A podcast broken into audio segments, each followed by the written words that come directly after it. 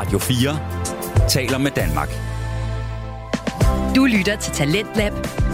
Din vært er Frederik Lyne.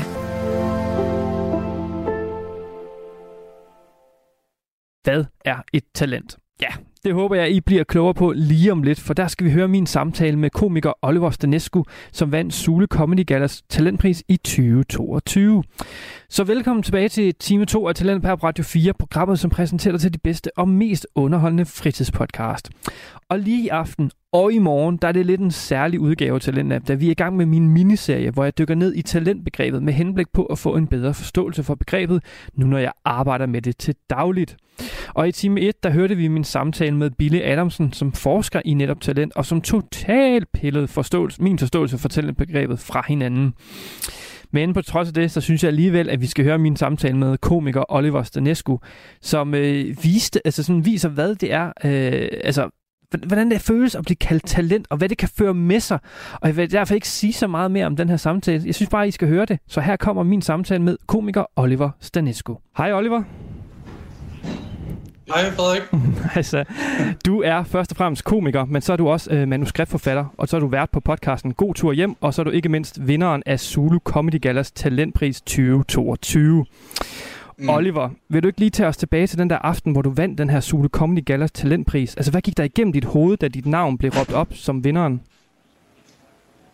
Ja, altså øh, mange ting, øh, vil jeg sige. Jeg, jeg havde nok inderst inde ikke helt regnet med det, øh, fordi jeg synes, de andre, der var, var virkelig dygtige, øh, og havde sådan ligesom været i branchen længere tid, end jeg havde. Øh, jeg, jeg må nok sige, hvis jeg skulle være helt ærlig, så havde jeg troet, at Nina Rask vandt. Øh, fordi hun, hun er så meget op i tiden. Mm. Øh, så, da, så da mit navn blev råbt op, så blev jeg sindssygt øh, glad. Og jeg fangede det overraskende hurtigt, faktisk. jeg havde hørt fra nogle andre, at det var sådan, åh, der kan godt lige gå 5 sekunder, før man... Nå, var det mit navn? Men jeg fanger det faktisk lige med det samme. øh, men altså, tror jeg, jeg tænkte mest, øh, ah, jeg skulle have forberedt en tale. øh, men fordi jeg ville jo gerne være lidt sjov op på det der podie, ikke? Ja, jeg, jeg, jeg kunne godt forestille mig, at der er sådan et pres, når man skal op og, og tage imod den. Altså folk, de forventer jo også, at man, man får dem til at grine, eller hvad? Ja, ja, det er jo det nye talent, ikke? Altså, så det, man må gerne vise dem, at øh, nå, det er også rigtigt nok, at det var, det var mig, der blev det. Men øh, ej, det er en stor ting, fordi at det er jo ens kollegaer og sådan branchefolk, der stemmer på en. Mm. Øh, ikke har sagt, at det er en mindre ting, hvis det er publikum, der stemmer, men øh, ja, jeg forstår. det gør det lidt fedt. Hvad, ja. hvad, hvad, Oliver, hvor mange år er det, du har lavet øh, stand-up? Jamen, jeg har lige rundet seks år nu. Okay. Øh, fra jeg startede helt. Ja. Og bare tænkte, det kunne være sjovt at prøve. Mm.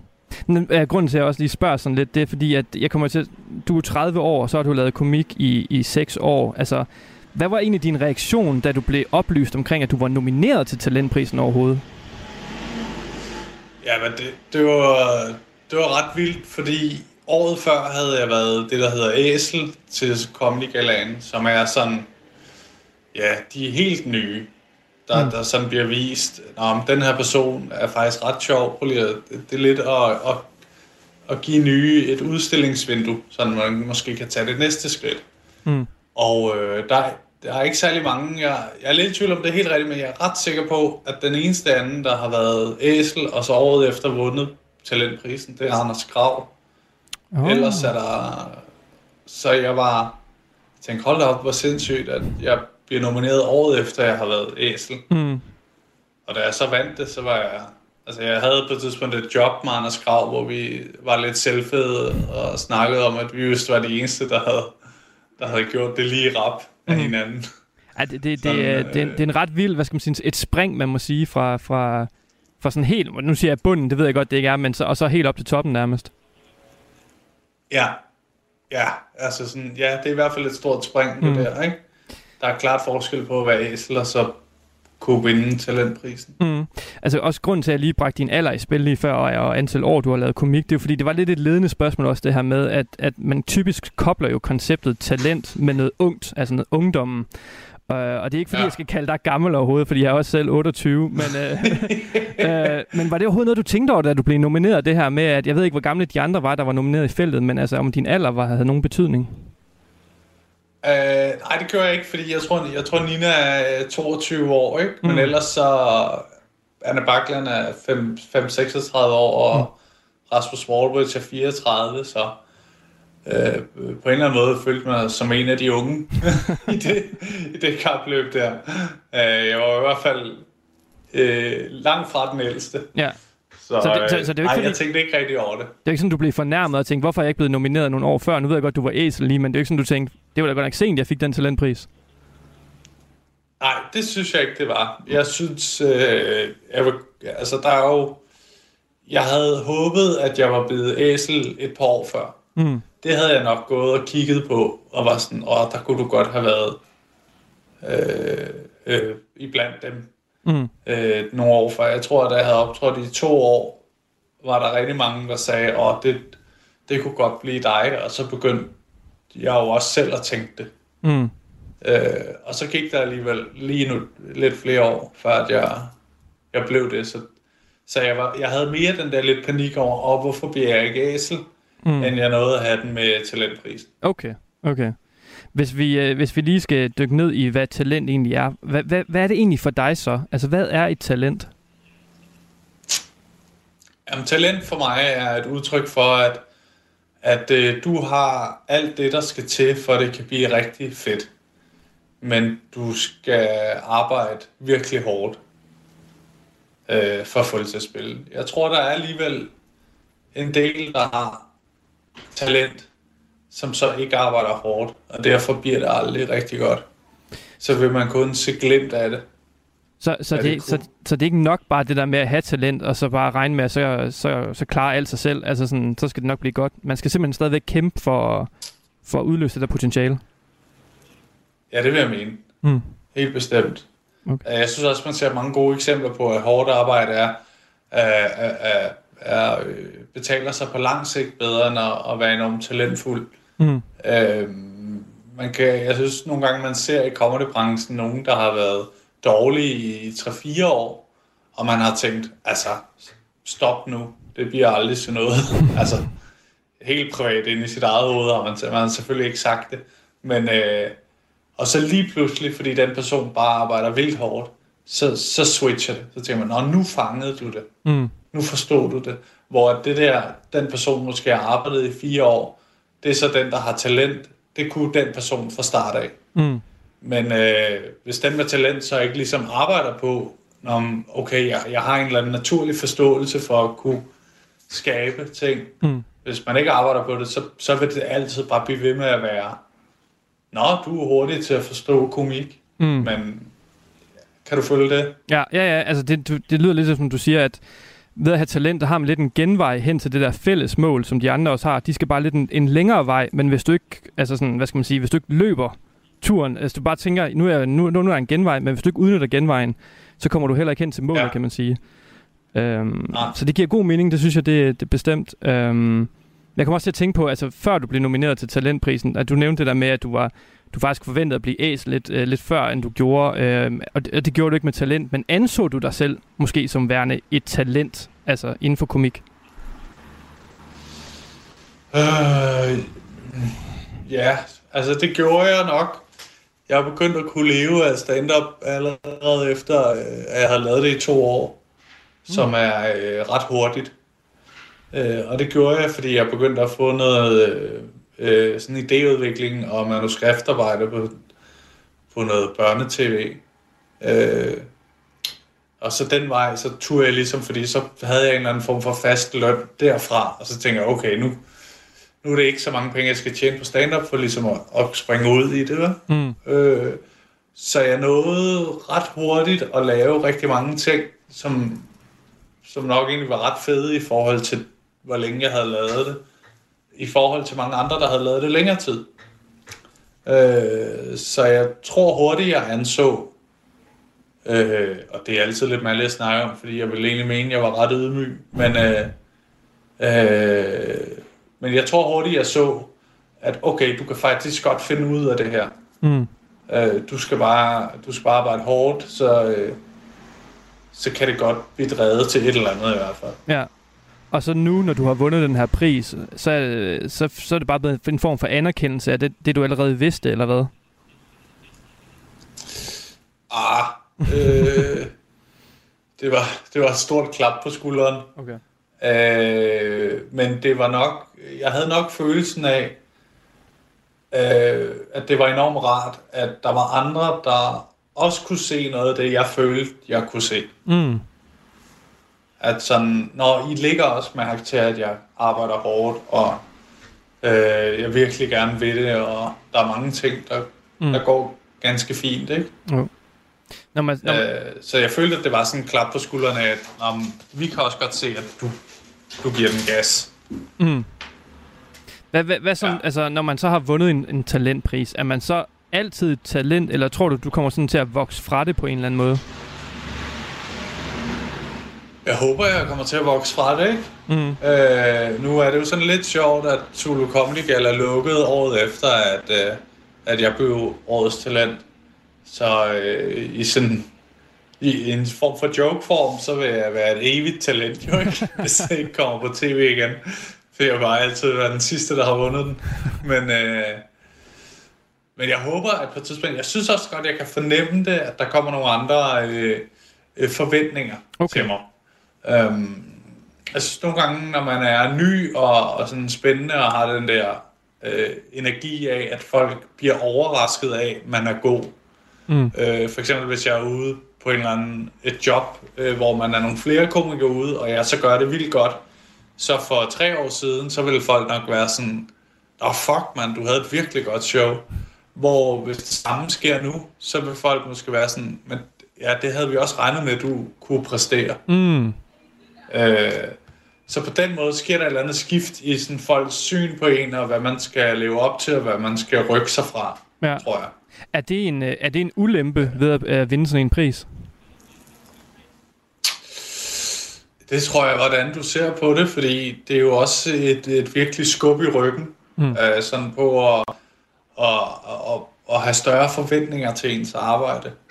Øh, sådan, øh, jeg tror for noget tid siden kunne jeg godt stille mig tilfreds med, øh, hvis jeg for eksempel havde øh, haft en, en dag, hvor jeg havde siddet og skrevet, og jeg havde lavet en, en joke, og jeg så gik på en open mic, og den virkede, så kunne jeg godt sidde og varme mig på det, og være sådan, åh, det går pis godt, og Mm. øh, sådan være alt for glad over det, jeg havde præsteret. Hvor, mm.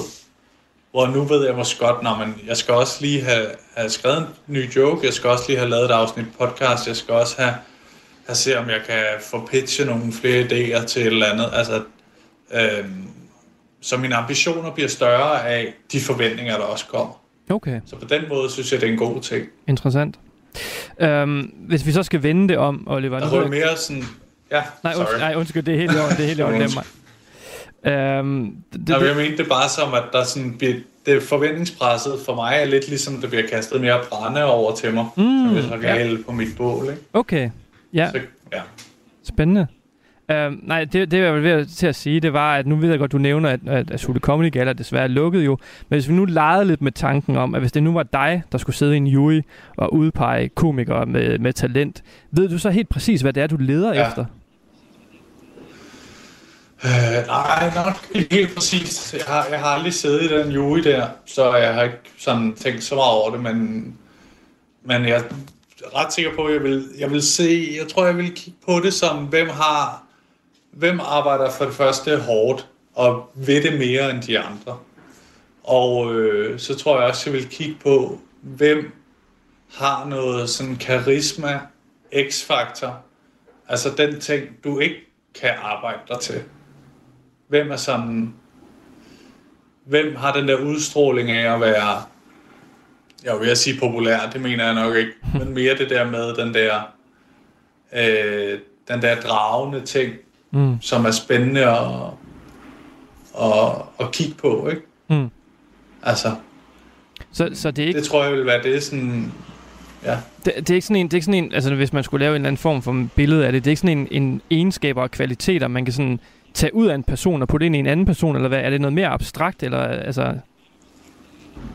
Ja, det vil jeg synes. Ja. Altså det der med at arbejde hårdt, det, det, det er jo sådan rimelig håndgribeligt. Mm. Men, øh, men jeg tror også, jeg vil kigge, fordi noget af det, jeg nyder allermest, det, det er sådan komikere, der har noget, der er det, altså noget originalitet, tror jeg, ikke? Mm. Altså sådan, hvis du tager Mick Øgendal, øh, man, sådan, man vil kunne nævne med få ord, hvad han gør, som de andre ikke gør. Ikke? Han har en sjov mimik, og han laver nogle sjove act-outs, og han, han, er, han er sådan meget sig selv. Ikke? Mm. Øh, og Madison er det sådan meget originale tanker på små hverdagsting, som er sådan, når man hører meget af hans stand-up, er man sådan, fuck det, det har jeg også tænkt på.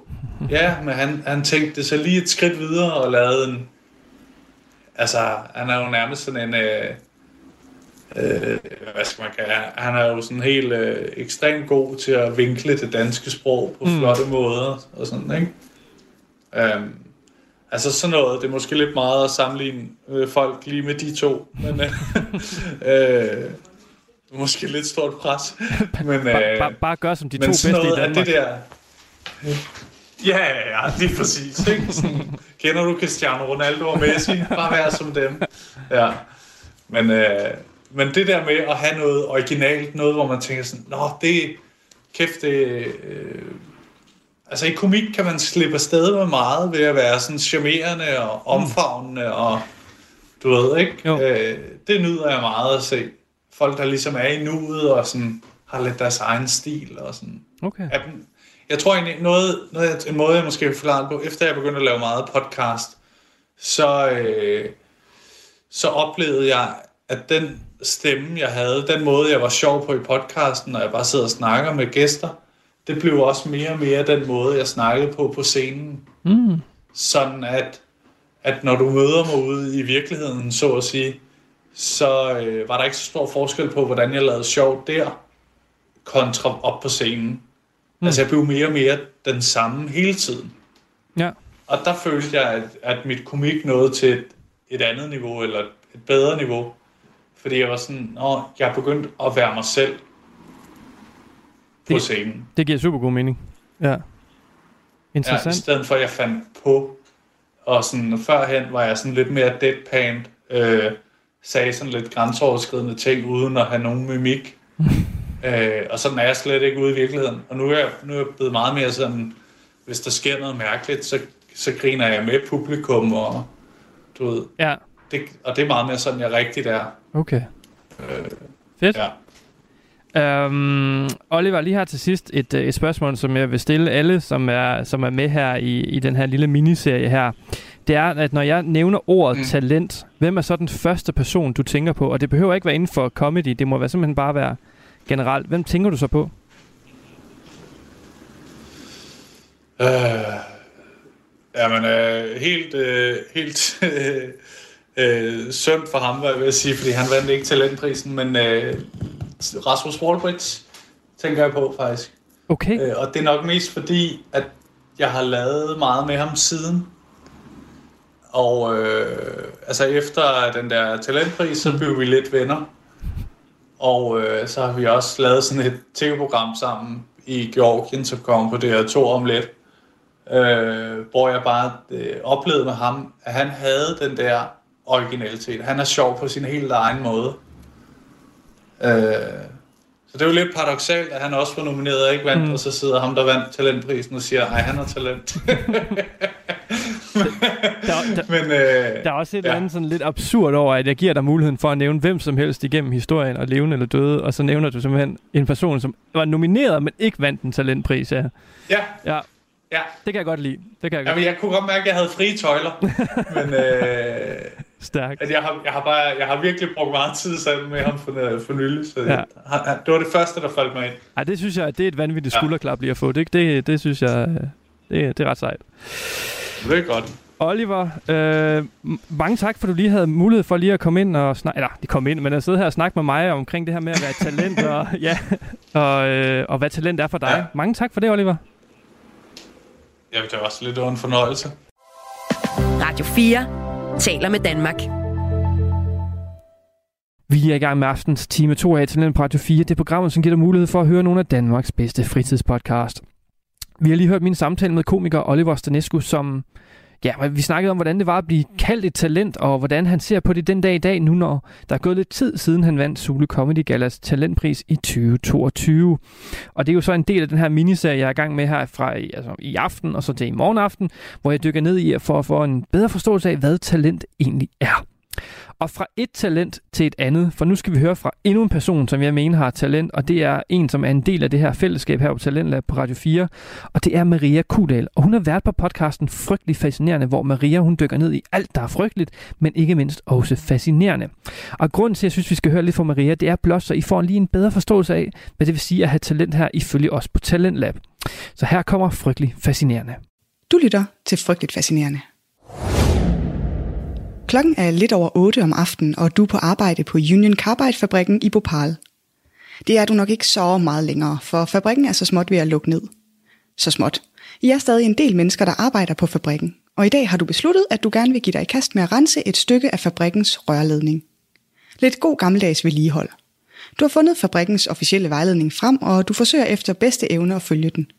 Trin for trin. Det er lidt svært at tyde præcis, hvad de mener alle steder – og der er en del komponenter og rækkefølger at holde styr på. Men du påbegynder rensningen. Hælder vand ind i rørsystemet og venter på, at det skal løbe ud. Ud af de midlertidige afløb, som er indrettet til at lade rensevandet løbe fra rørsektionen igen. Og du venter. Men der kommer ikke rigtig noget vand. Men hvis vandet ikke løber ud af afløbet, hvor bliver det så af? Velkommen til det her særafsnit af Frygteligt Fascinerende, hvor vi dykker ned i Bhopal-katastrofen. Frygtelig Fascinerende er en podcast om alt det frygtelige, som alligevel fascinerer os. Her nørder vi helt ned i detaljen i nogle af de mest opsigtsvækkende og uhyggelige fænomener og begivenheder i historien. Velkommen til. Og med det på plads, så er det tid til en introduktion, for det er ikke noget helt almindeligt afsnit i dag. I dag har jeg en gæst med, så lad os lige få sagt hej til ham. Hej Rasmus. Hej hej.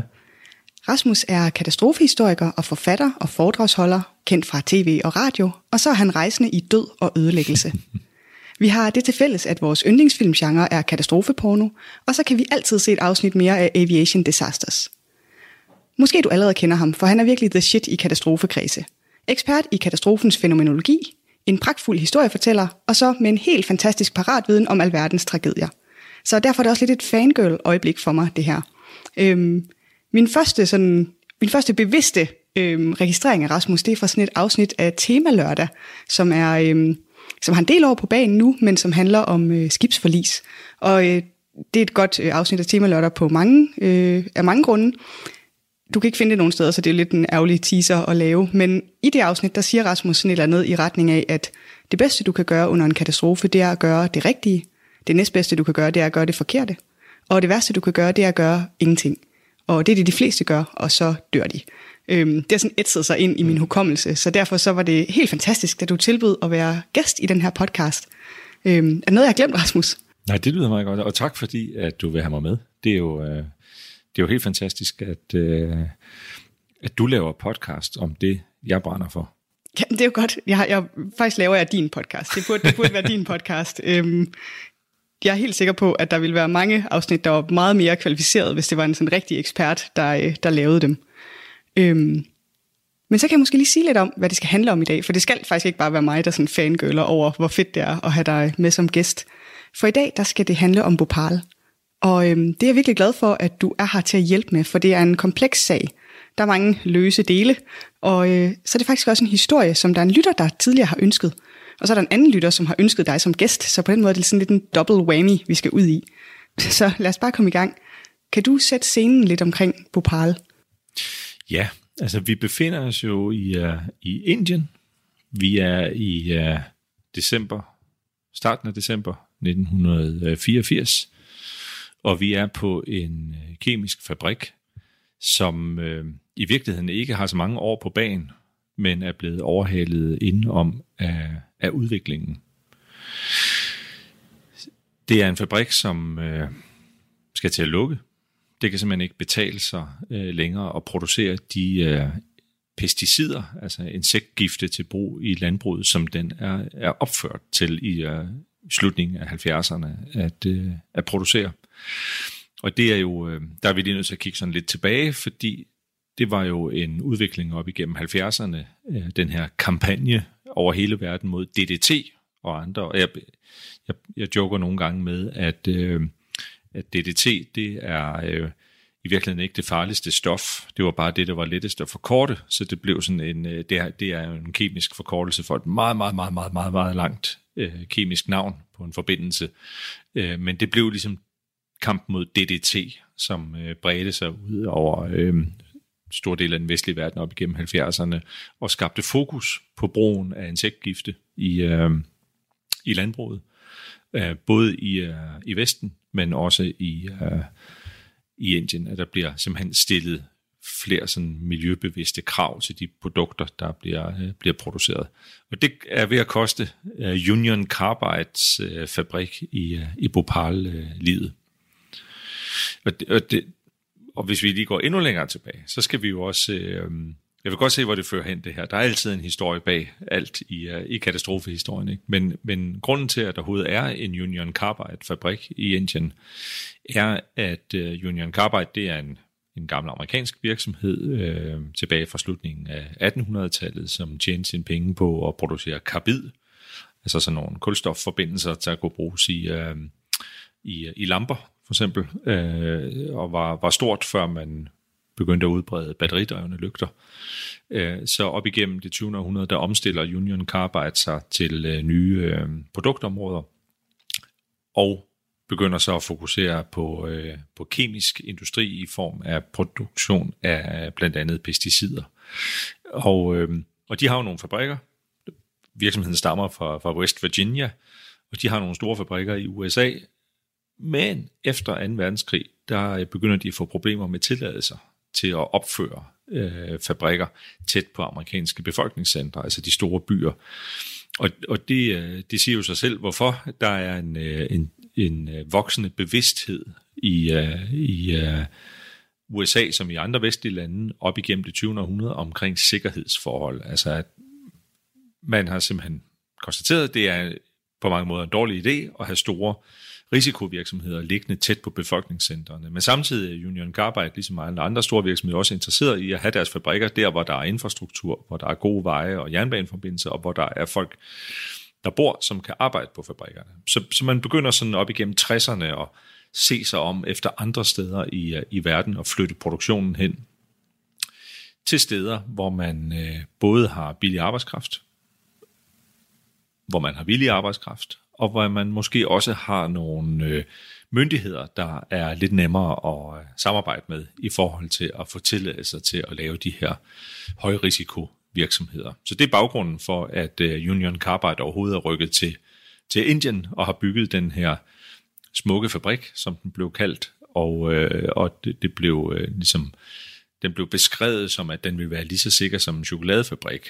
Altså, det, øh, så, og på mange måder er fabrikken i Bhopal en kopi af Union Carbides anlæg i West Virginia. Øh, og øh, der bliver bare så ikke stillet helt de samme krav til sikkerheden i, øh, i Indien.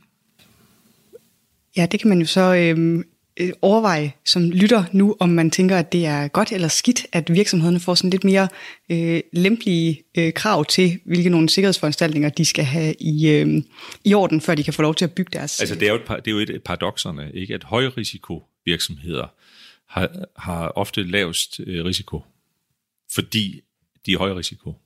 Altså, i, der er jo så mange regler, så mange, øh, så meget lovgivning, højrisikovirksomheder, for eksempel i Danmark, skal leve op til, at der næsten aldrig sker noget.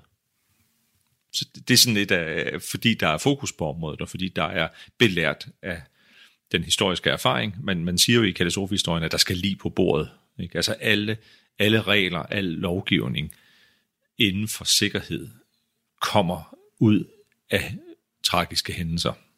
Altså, brandsikkerhed på hoteller. Der kigger vi tilbage på Hotel Hafnias brand i 1973 osv. Mm. Og det er jo derfor, det er så sikkert at flyve i dag. Det er fordi, der har været rigtig mange styrt. ja, således opmuntret til at, at, at gå ud og, og flyve en tur. Men så Union Carbide placerer deres fabrik i det her område i Bhopal.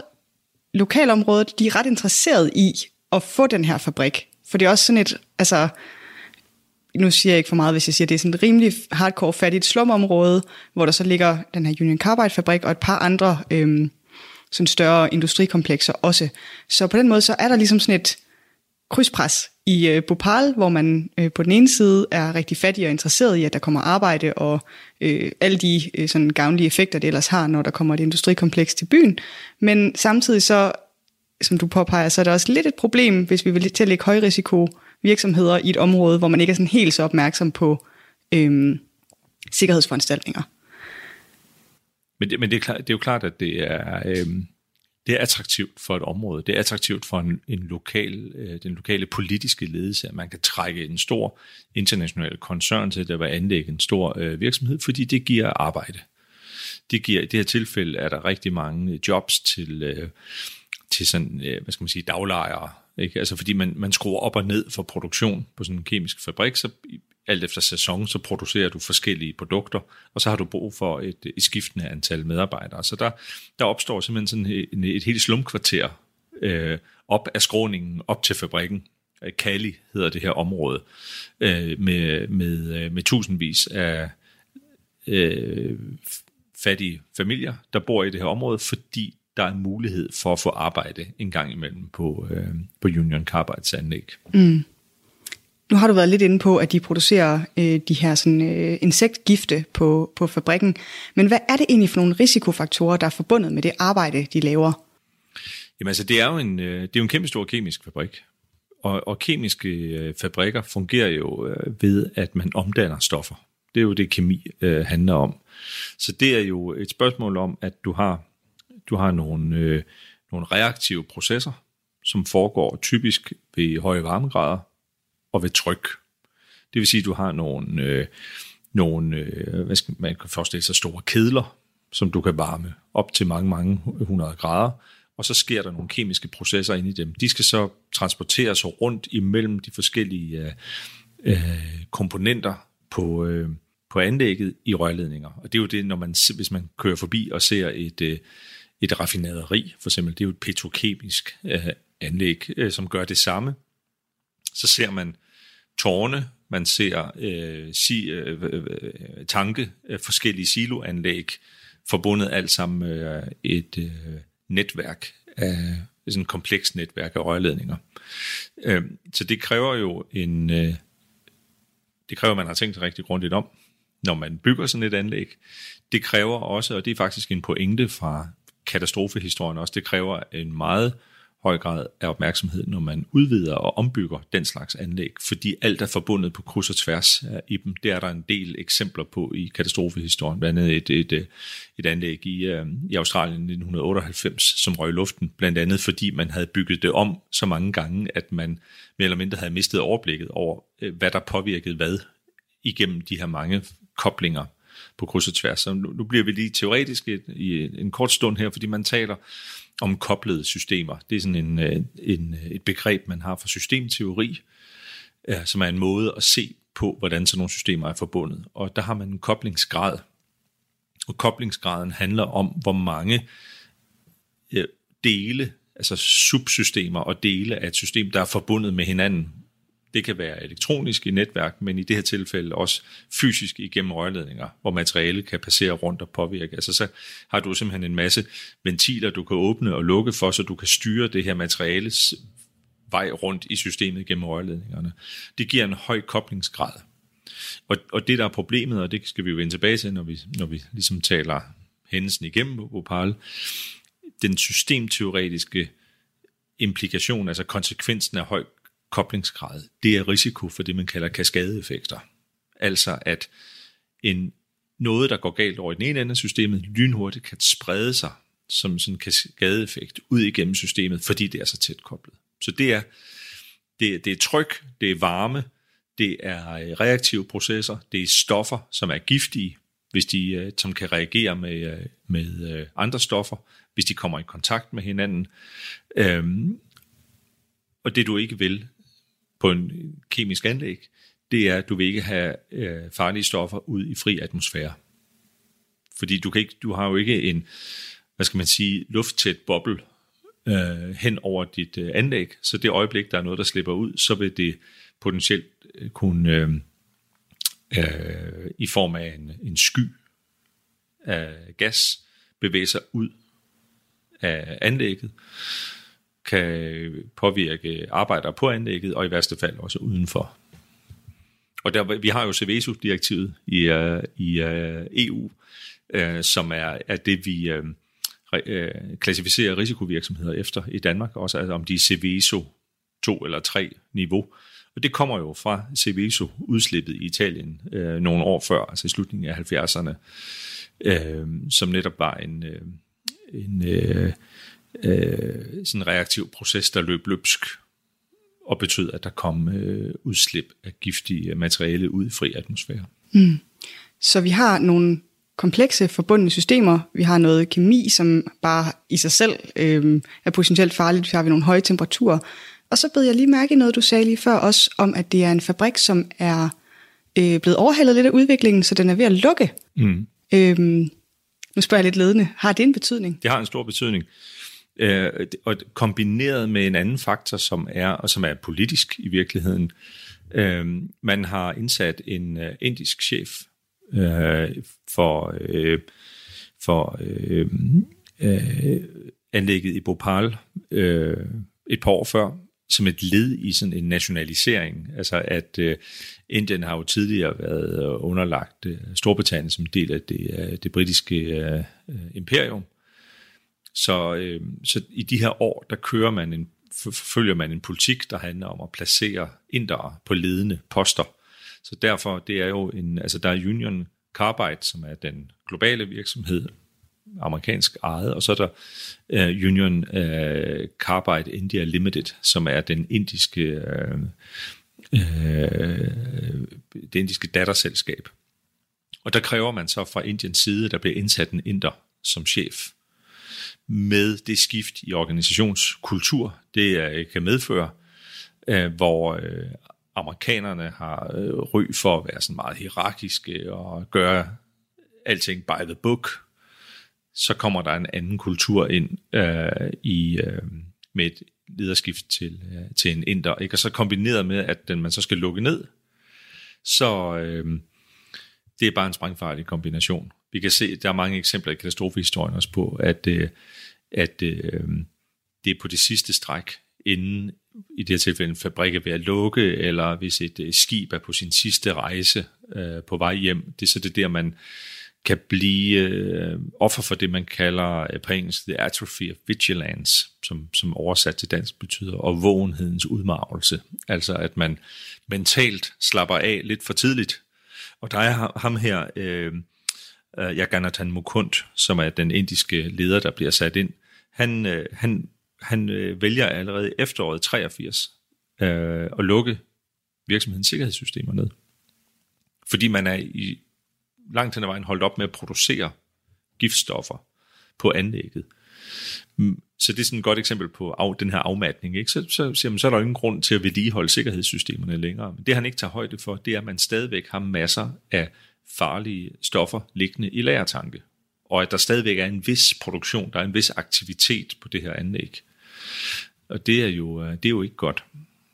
Nej, det er helt sikkert ikke godt, og, og det, det kommer vi også til at, øh, at høre lidt om nu, fordi nu tænker jeg egentlig, at vi skal videre til præcis, hvad det så er, der sker på Union Carbide-fabrikken. Vi har teaset lidt for det i min, øh, min intro. Der er noget, øh, en, en, øh, samvittighedsfuld medarbejder, der tænker sådan lidt, lidt godt gammeldags vedligehold af nogle rørledninger, det... Øh... Ja, og det, øh, det sker jo efter faste procedurer, efter faste sådan, rutiner på sådan en anlæg. Og, og det man skal, det er, at man, øh, man skal rense et stykke af, af røret. Altså øh, det her rørsystem, der forbinder alle de forskellige elementer på fabrikken. Det, hvordan gør man det? Det gør man i virkeligheden nu, at vi er tilbage i systemteorien. Man anvender øh, et øh, begreb, man kunne kalde kompartmentalisering, altså rumopdeling. Man, Altså, vi afskærmer et stykke af det her, af den her rørledning fra resten af systemet. Midlertidigt. Man kalder det også inhibitering i sådan en sikkerheds øh, øh, sammenhæng. Ikke? Altså, vi tager det ligesom ud af, af drift. Det gør man helt fysisk ved at indsætte sådan nogle øh, skiver ned i nogle, man skiller rørledningen ad og sætter sådan nogle øh, øh, ligesom øh, øh, vandtætte skotter på et skib. Ikke? Altså vandtætte døre, der kan lukke på en ubåd og sådan noget. Så sætter man sådan nogle skiver ind, øh, lukker røret igen omkring dem, og så er det afskærmet. Og så kan man jo så arbejde på det stykke af røret, uden fare for at påvirke resten af, af fabrikssystemet. Øhm, og det var det, som du som malerisk beskrev i din, øh, i din intro, øh, den her øh, ansatte på virksomheden, som monterer en vandslange på det afgrænsede stykke af røret, hælder vand ind, og så siger logikken jo, at hvis det vand ikke kan komme nogen steder hen, så må det jo komme ud. Så må det jo, det kan ikke flyde ud i hele øh, systemet af rørledninger, så må det løbe ud af den øh, overløbsventil, den rest, han har åbnet samtidig, når det ligesom har, har renset det indre af rørledningen. Men det gør det ikke. Og det, øh, det undrer han sig over. Men, men, men der er måske her, vi er tilbage til den her organisationsændring, øh, der er sket, fordi den melding kommer aldrig rigtig op igennem systemet. Der er ikke rigtig nogen, der tager ansvar. Der er ikke nogen, der gør det her by the book. Og så tager han hjem. Så går han hjem, så går han hjem kl. 23 øh, om, øh, om aftenen. Der er han øh, færdig øh, på sin vagt. Det er jo også en anden ting, vi ser i mange af den her type katastrofer. Det går tit galt, når der skal overdrages fra et, øh, et vagthold til et nyt altså Piper Alpha, som vi jo også kunne tale længe om, den store, den største offshore-katastrofe øh, på en, øh, en britisk øh, gasplatform i 1988. Det er også, øh, hvad skal man sige, øh, kerneårsagen til den katastrofe skal også findes i en rigtig dårlig overdragelse fra et skiftehold til et andet i forhold til, om en ventil er monteret eller afmonteret på et stykke rørledning. Så det, det, er, det er det, der er med til, at det går galt. Ikke? Fordi, hvor bliver det af, det vand? Det løber igennem rørledningerne, fordi han har formentlig fået monteret et af de her beskyttelseskjold forkert. Der kan man så igen sige dårlig supervision, dårlig øh, indsigt i, hvordan systemet fungerer, øh, må formodes at være, øh, være årsagen til det. Så løber vandet igennem forgreningen og rørledningen, øh, og så ser vi i virkeligheden den her systemiske kaskadeeffekt. Fordi det ender selvfølgelig i en lagertank. Der løber, der, der er hul hele vejen igennem i rørledningen. Man skal næsten forestille sig det som sådan et tog, altså sådan et jernbanesystem, hvor man har sat skiftesporene, ikke? og så løber vandet op, ender ned i den her øh, lagertank. Og øh, hvad er der i den? Der er metyl isocyanat. Der er jo ingen af os, der er kemikere, og det, det er der heller ikke så mange af mine lyttere, der er. Men, men, men hvorfor er det dårligt, det er, når vand det, ender det, der? Det behøver ikke være kemikere for at, øh, at forholde sig til det her. For det første så kan vi forkorte det til MIC, M-I-C. Øhm, og så skal vi bare vide, at øh, MIC, det har det rigtig dårligt med vand. Det reagerer øh, meget voldsomt, når det bliver blandet med vand. Øh, og øh, det er jo det, der sker. Og konsekvensen af det, det er, at det udvikler sådan nogle hydrogengasser, sådan en brintgas, som er øh, meget, meget dødelig. Tungere end øh, atmosfærisk luft, så det vil sige, den her tank, den begynder at hoppe og danse, den bevæger sig, der sker en kemisk reaktion øh, nede i, lidt ligesom hvis vi laver et kemiforsøg i, øh, i skolen, ikke, hvor vi så hælder to stoffer sammen, der begynder at reagere, så skal man forestille sig, at det hele begynder at boble og koge ind i den her tank. Og der, det tager noget tid for de her ansatte på øh, virksomheden at finde ud af, hvad i alverden er det, der er ved at ske. De går faktisk op og stiller sig oven på tanken, og sådan noget, prøver at holde den nede, og den hopper og danser, og de prøver at, så finder de ud af, mm, der løber vand ind i den, de prøver at lede vandet væk og sådan noget, men, men til sidst så øh, er der så mange øh, kræfter i den her kemiske reaktion, at tanken simpelthen hopper op af sit fundament, og, øh, og, og helt ud og lægger sig på, øh, på jorden. Og så sker det her udslip. Altså det kommer op igennem sådan et tårn, og så kommer der et, et udslip af de her meget, meget dødbringende øh, brintgasser, som så lægger sig som, som en tåge, fordi øh, det er, brintgasserne er tungere end den atmosfæriske luft, lægger sig hen over jorden, og så kravler med vinden hen over fabriksområdet. og der har man jo øh, så slået alarmen her øh, ganske kort efter, øh, efter midnat, øh, og vi er øh, natten mellem den 2. og 3. december øh, 1984. Så vi kommer lige ind i 3. december, så knaller man alarmen af, og så har man jo nogle procedurer for de ansatte, der er. De ved, at de skal mødes et bestemt sted, og de har en vimpel, de kan se, hvad vej vinden blæser, så mødes man så i den anden ende af fabrikken, ikke? og så kravler den her sky hen over fabriksområdet. Problemet er jo, at øh, den stanser jo ikke ved hegnet. Og hvad er der ude på den anden side af hegnet? Det har vi jo lige snakket om. Der er et øh, slumområde, der både er tæt befolket, og øh, jeg forestiller mig ikke, at de har sådan nogle helt vildt gassikrede øh, bunker, de alle sammen bor Nej, i. det vil være synd at sige. Øh, og øh, så, så, der, så man skal simpelthen forestille sig den her øh, dødelige øh, øh, sky af, af mik, der, øh, der kravler ud igennem hegnet, og så ned over det her slumområde. Øh, og så begynder folk jo at øh, reagere på det. Ja, en af de første, et af de første offer er en, øh, en øh, krøbling ved navn Rahul, som øh, har sådan et bræt med hjul på. Han skubber sig rundt øh, ved hjælp af. Og han er den første, øh, eller en af de første, der indånder den her øh, dødbringende gas. Det er jo efter midnat, så mange ligger og sover. Øh, og, øh, og han begynder straks at hoste, og så hoster han øh, sådan sorte og mørkerøde klatter op med det samme. Og det er simpelthen hans lungevæv, der er ved at blive opløst.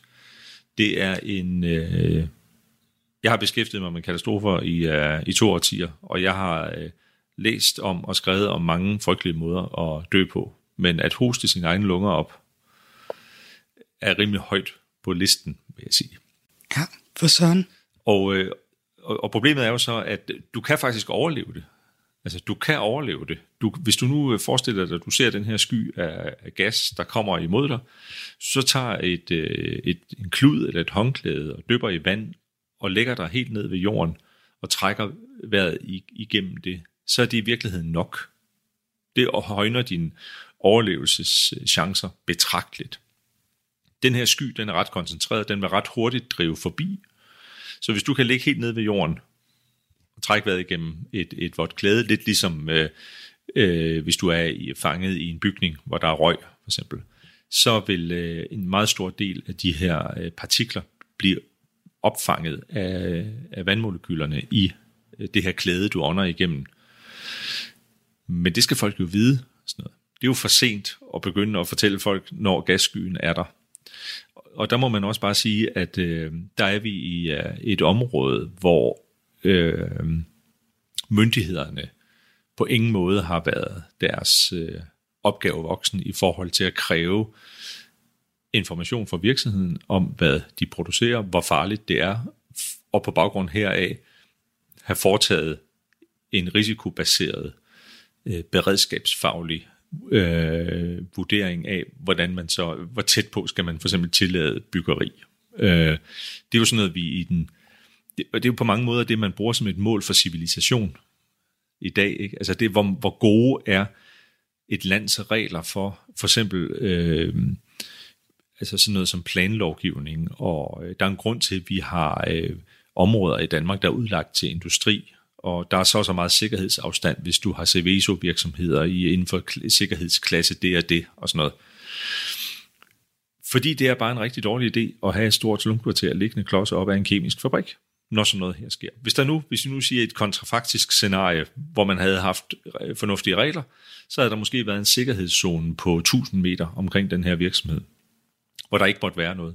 Så ville en meget stor del af den her gassky være nået at, at, øh, at, opløse sig selv, før den nåede hen til øh, et sted, hvor der var beboelse. Men øh, sådan er situationen altså desværre ikke i, i uh, Bhopal i december 1984.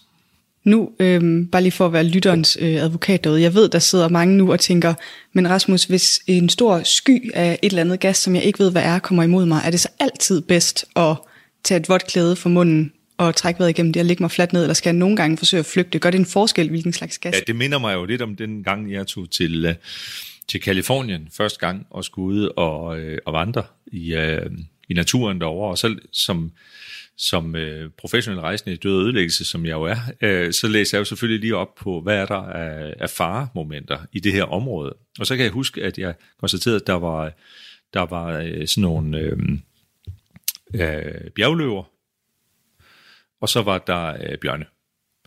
Og, øh, og, hvis du, og der så stod der i reglerne, hvis du, øh, hvis du møder en bjergløve, så skal du gøre dig så stor som muligt og råbe og skrige, for den er sky, og så vil den flygte. Og hvis du møder en bjørn, så skal du lægge dig ned og være så stille som muligt og spille død. Fordi øh, så vil bjørne typisk bare gå hen og snuse til dig, og så gå videre igen. Og så kunne jeg ikke lade være med at tænke på, øh, kan jeg høre forskel på, om det er en bjørn eller en bjergløv, øh, der nærmer sig? Fordi det er lidt øh, kedeligt at have valgt forkert, når man så øh, står over for bjørnen og tror, det er en bjergløv, og står og, og råber og skriger. Ikke? Så det er det samme, du spørger øh, til her. Og, og der er svaret jo, det er jo det, du skal have undersøgt på forhånd. Det er jo det, der er myndigheders opgave. Det er jo derfor, at, når, at det i, uh, i dag uh, kan synes ekstremt omstændeligt at få lov til at anlægge. Nu vi taler meget om PTX i Danmark nu, det her omdannelse af grøn strøm til, uh, til energi i molekyler, altså ved elektrolyse.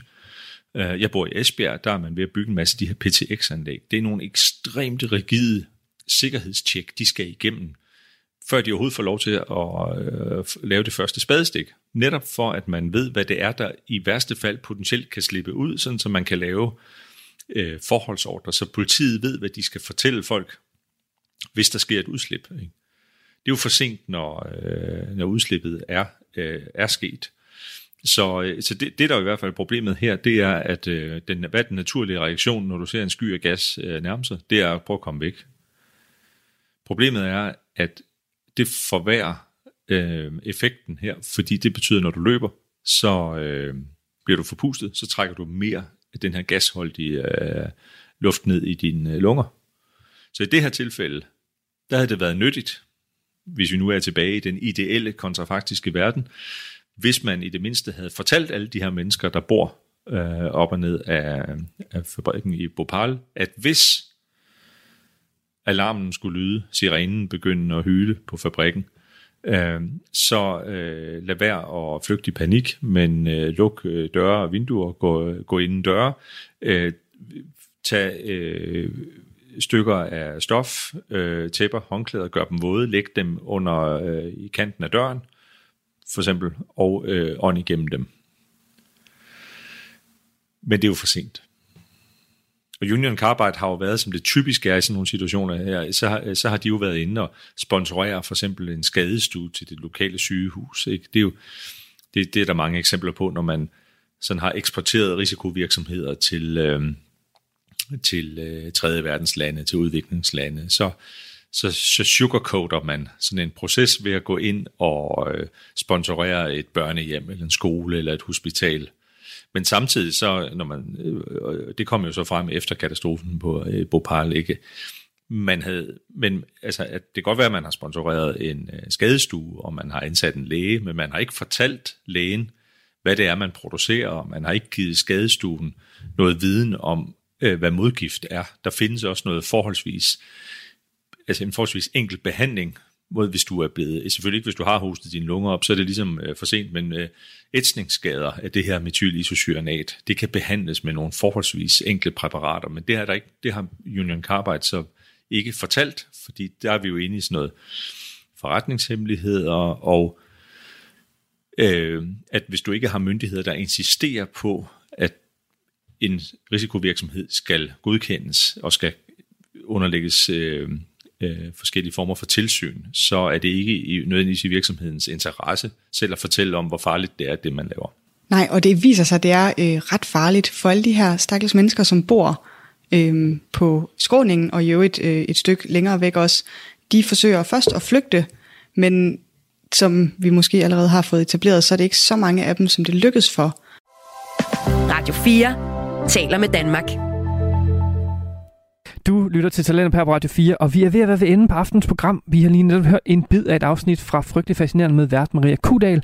Og med det, så, så ja, vi er jo faktisk halvvejs i den her lille miniserie, som strækker sig fra i aften og til i morgen aften, hvor jeg dykker ned i, øh, i talentbegrebet. Og i aften, der har, har vi udover, at vi har hørt øh, nogle udpluk fra afsnit af Talent her på Talentlab, så har vi også hørt min samtale med Billy Adamsen, som forsker i talent, og så har vi også hørt min samtale med komiker Oliver Stanescu, som vandt Zulu Comedy Galas talentpris i 2022.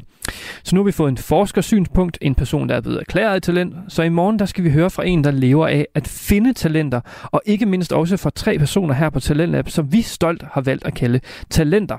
Så der er en masse at glæde sig til i morgen. Og jeg vil også lige nævne, at de afsnit, vi har hørt her til aften, de kommer fra fritidspodcasten En ting ad gang og frygtelig fascinerende.